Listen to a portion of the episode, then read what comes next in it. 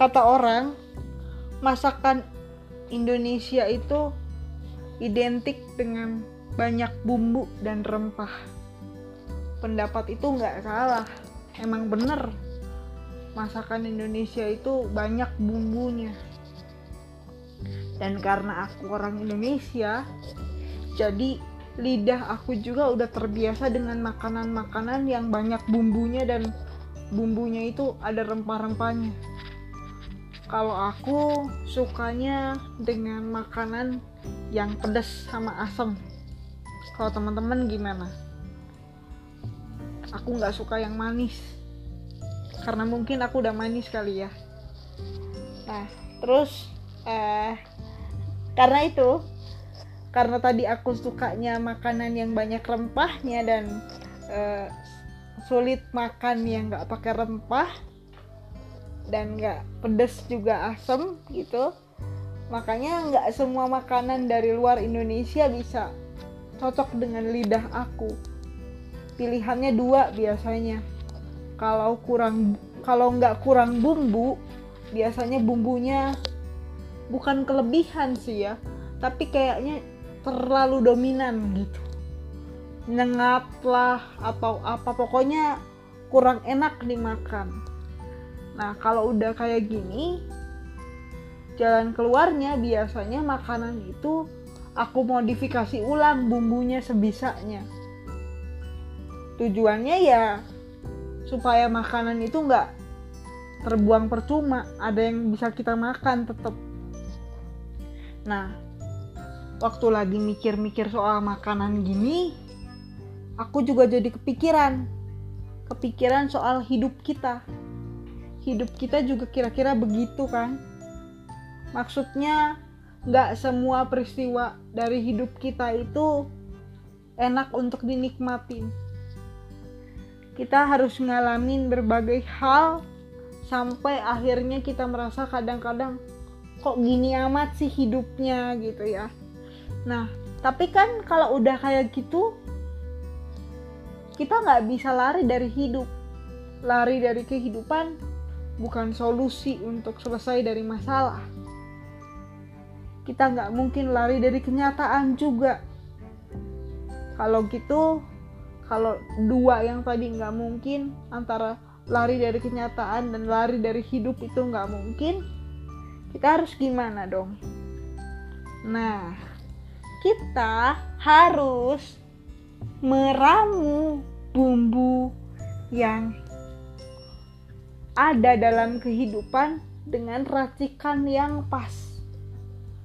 Kalau kita bisa racik bumbu-bumbu itu dengan pas, maka kita bakal punya alasan terus untuk menikmati hidup beserta segala peristiwa yang ada di dalamnya yang harus kita hadapi. Kalau udah begini, aku yakin pasti kita punya banyak alasan untuk gembira dan bahagia meskipun situasinya tidak menyenangkan selalu karena kita udah mengontrol diri kita. Jadi kuncinya kita harus tahu racikan yang pas untuk kita di bisa menikmati hidup tuh kayak apa sih? Nah, untuk tahu yang bagian ini menurutku kita harus tanya ini sama Tuhan. Ini harus. Kenapa? Karena karena uh, aku berpedoman bahwa kehidupan aku itu uh, miliknya Tuhan. Aku hidup nggak mungkin dari hidupku sendiri. Mungkin ada sebagian teman-teman yang bertanya, kenapa sih si Selin ini segala sesuatunya kalau bikin podcast pasti ada Tuhan-Tuhannya. Bisa nggak sih kalau dia hidup? Ya hidup aja gitu. Nggak usah mengkait-kaitkan segala-galanya dengan Tuhan. Hmm, mungkin ada sebagian orang yang bisa begitu. Ya hidup ya tinggal hidup aja jalanin. Tapi maaf ya teman-teman kalau aku nggak bisa kayak gitu. Kenapa? Karena aku tahu ya itu tadi yang aku bilang. Aku tahu bahwa hidupku bukan milikku sendiri. Aku nggak bisa hidup semau aku sendiri. Hidup ini aku bisa hidup karena Tuhan aja.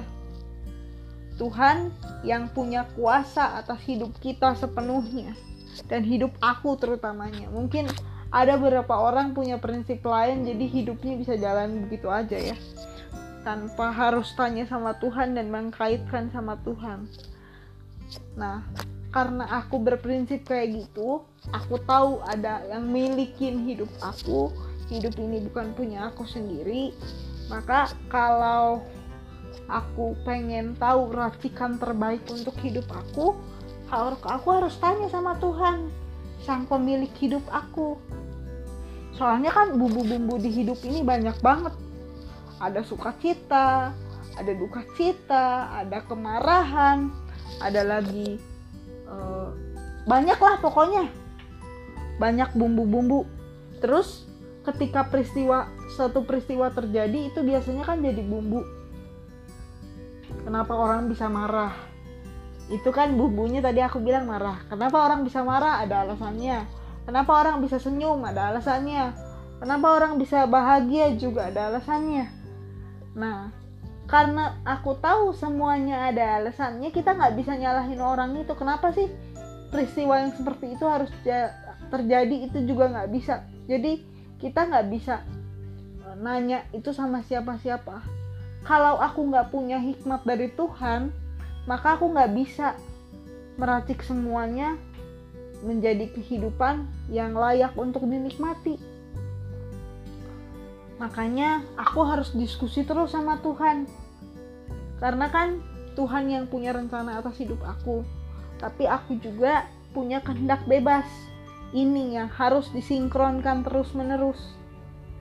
Oleh karena itu, di episode sebelumnya mungkin minggu lalu aku pernah bilang bahwa hartaku paling berharga adalah Tuhan Yesus sendiri karena aku sadar banget bahwa aku nggak bisa apa-apa kalau tanpa Tuhan. Aku mau punya harta sebanyak apa pun kalau Tuhan nggak berkenan dengan semua itu semuanya akan sia-sia. Kalau teman-teman susah membayangkannya aku kasih perumpamaannya begini. Situasinya tuh sama seperti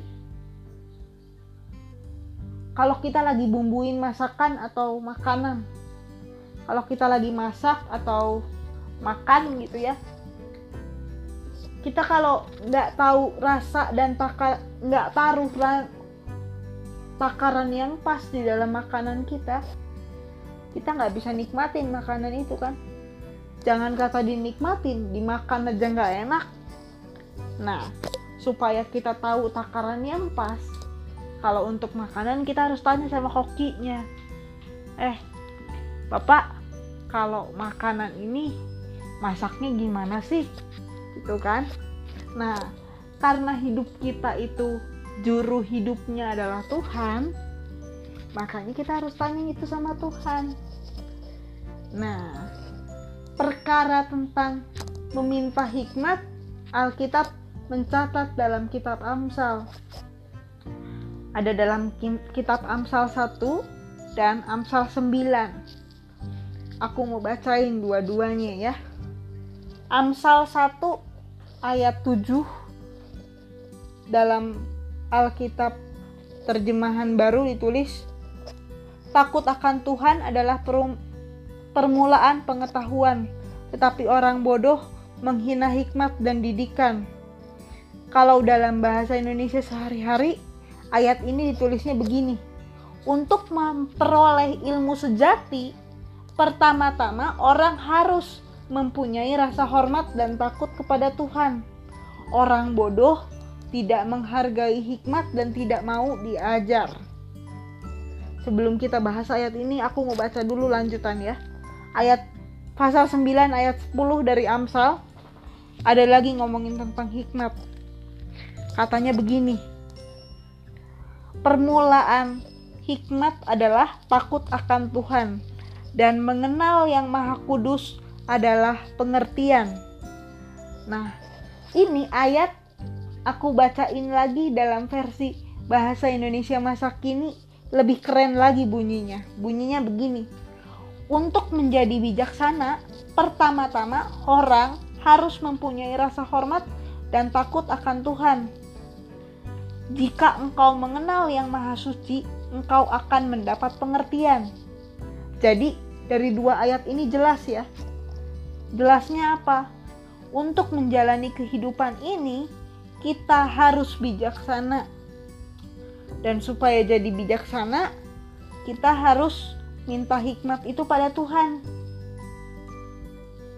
Begitu. Kalau kita pengen tahu dan pengen belajar, pertama-tama harus cari Tuhan dulu. Jadi kalau gitu, selamat memberi bumbu yang tepat kepada kehidupan kita masing-masing dan bertanya pada Tuhan. Bumbu yang tepat untuk hidup saya itu yang gimana sih Tuhan? Supaya apa? Supaya hidup kita bisa dinikmati juga sedapnya oleh banyak orang. Hidup ini bukan hidup untuk kita sendiri, tapi kita hadir juga untuk orang lain. Oleh karena itu, segala sesuatunya perlu dikoordinasikan dengan Tuhan. Allah, Sang Pemberi kehidupan, akan memampukan kita untuk melakukan semuanya ini dan menghadapi segala permasalahan yang ada di dalam kehidupan. Amin.